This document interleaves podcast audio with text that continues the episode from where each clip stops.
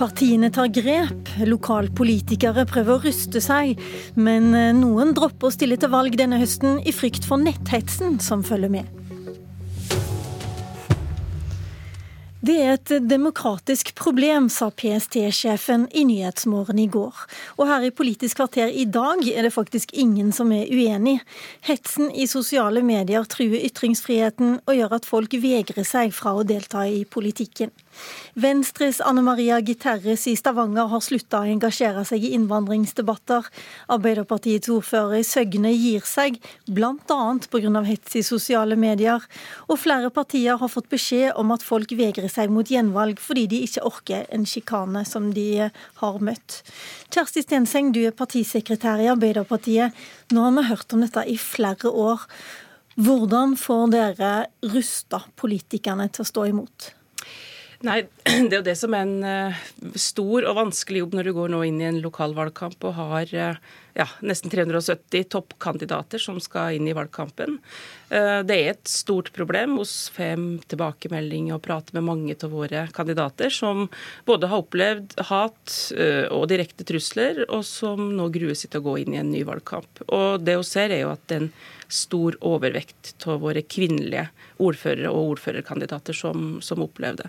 Så vi har stort fokus på det, og prøver å nå iverksette en tiltak for å ha en bedre beredskap rundt uh, kandidatene våre. og at de i hvert fall skal være sikre på at de ikke står alene, og at de har noen i ryggen som kan bli med å følge opp og ta, ta en del av den eh, oppfølginga av hetsen som kommer. At du skal slippe å, å både lese kommentarfelt sjøl og gå i debatt med uh, med, i de, vanskelige, eh, de vanskeligste diskusjonene. Hvordan bygger dere opp et sånt et apparat? Nei, altså Det vi helt konkret gjør nå, er at vi prøver å bygge en beredskap lokalt rundt hver enkelt kandidat. Eh, og det, har, det viktigste det som jeg har sagt i alle våre nå, når du både planlegger valgkampplaner og organisering og teamet rundt kandidaten, er at du må ha noen personer som har ansvar for å kunne gå inn på din Facebook-profil, sosiale medier, moderere, slette ting, fjerne, men òg stå i de tøffeste debattene som kommer. For det ser vi at de lokale debattene kan være vel så tøffe som, som i rikspolitikken.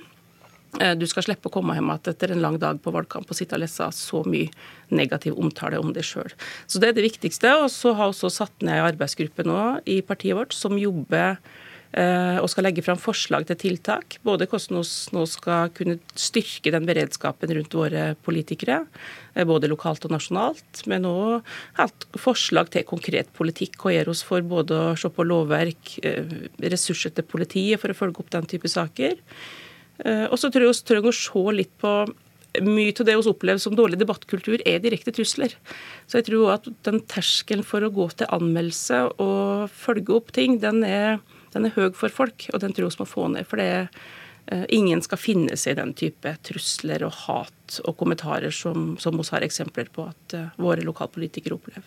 Men når du fortalte her at uh, du snakka med noen ordførerkandidater i går, hva er det de gruer seg til?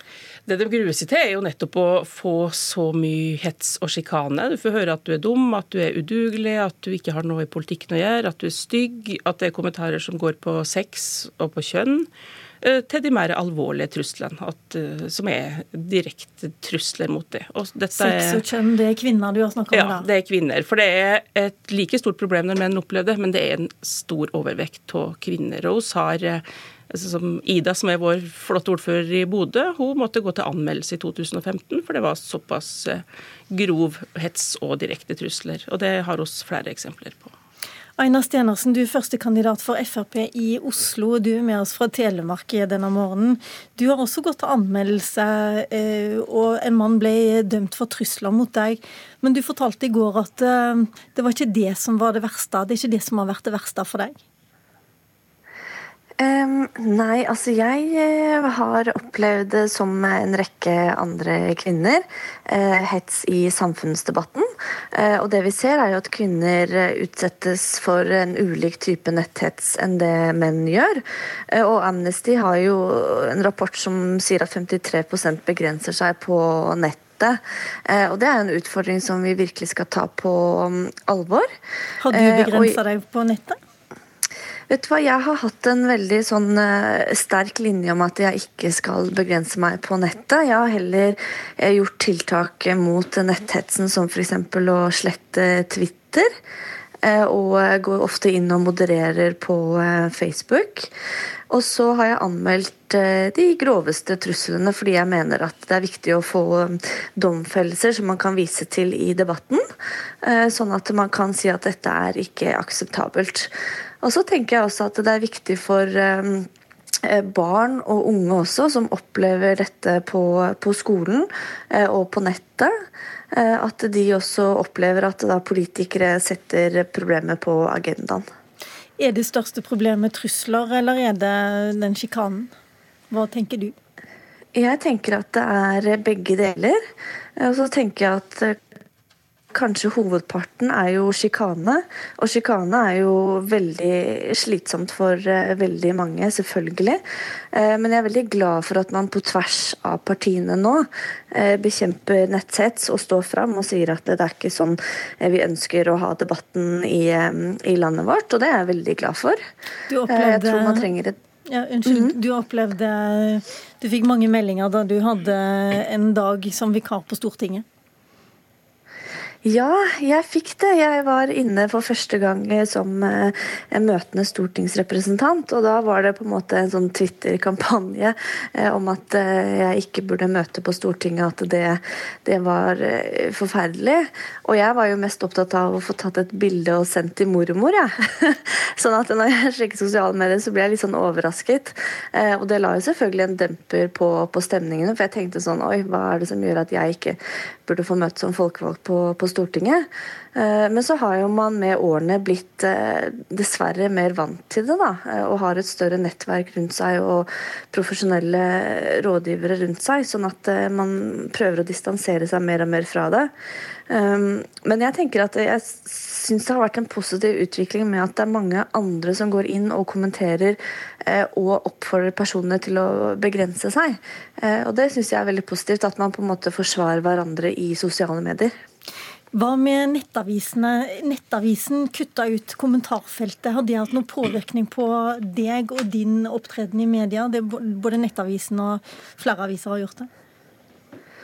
Jeg syns det har vært veldig positivt eh, at Nettavisen har fjernet kommentarfeltet.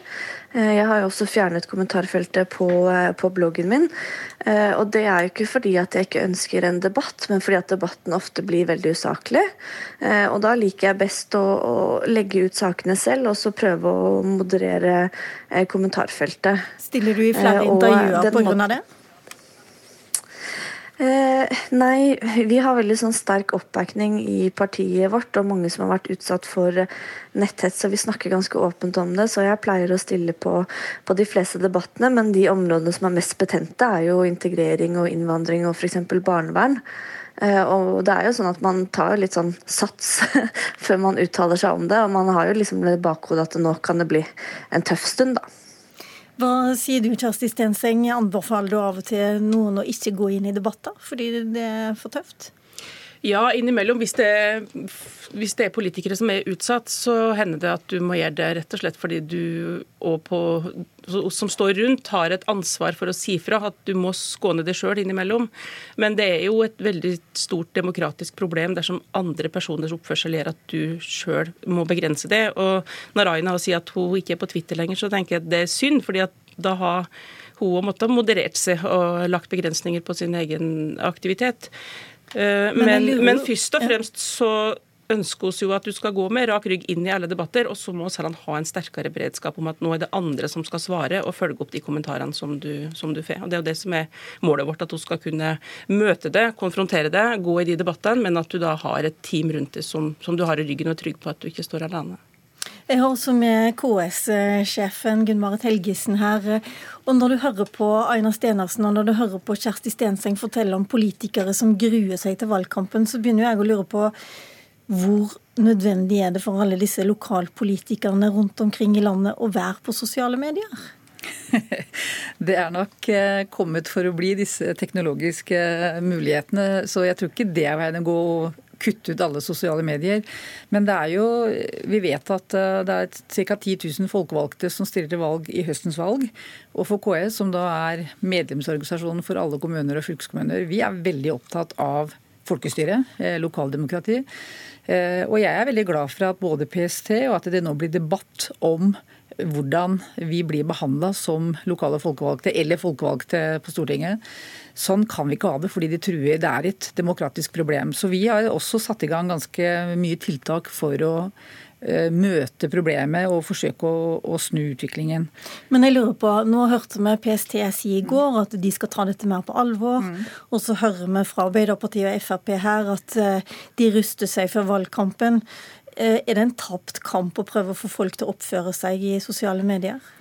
Nei, vi kan aldri la det bli en tapt kamp. Jeg tenker Vi er alle rollemodeller, og vi må iallfall starte med barn og ungdom, som kanskje er klokere når det gjelder sosiale medier og mer, har et mer naturlig forhold til det enn det kan se ut som en del voksne har. Dette kan vi ikke gi opp. Det truer både ytringsfrihet og demokratiet vårt, så vi må nødt til å gjøre det vi kan for å snu utviklingen. Du opplevde jo en del hits sjøl i forbindelse med lærerstreiken?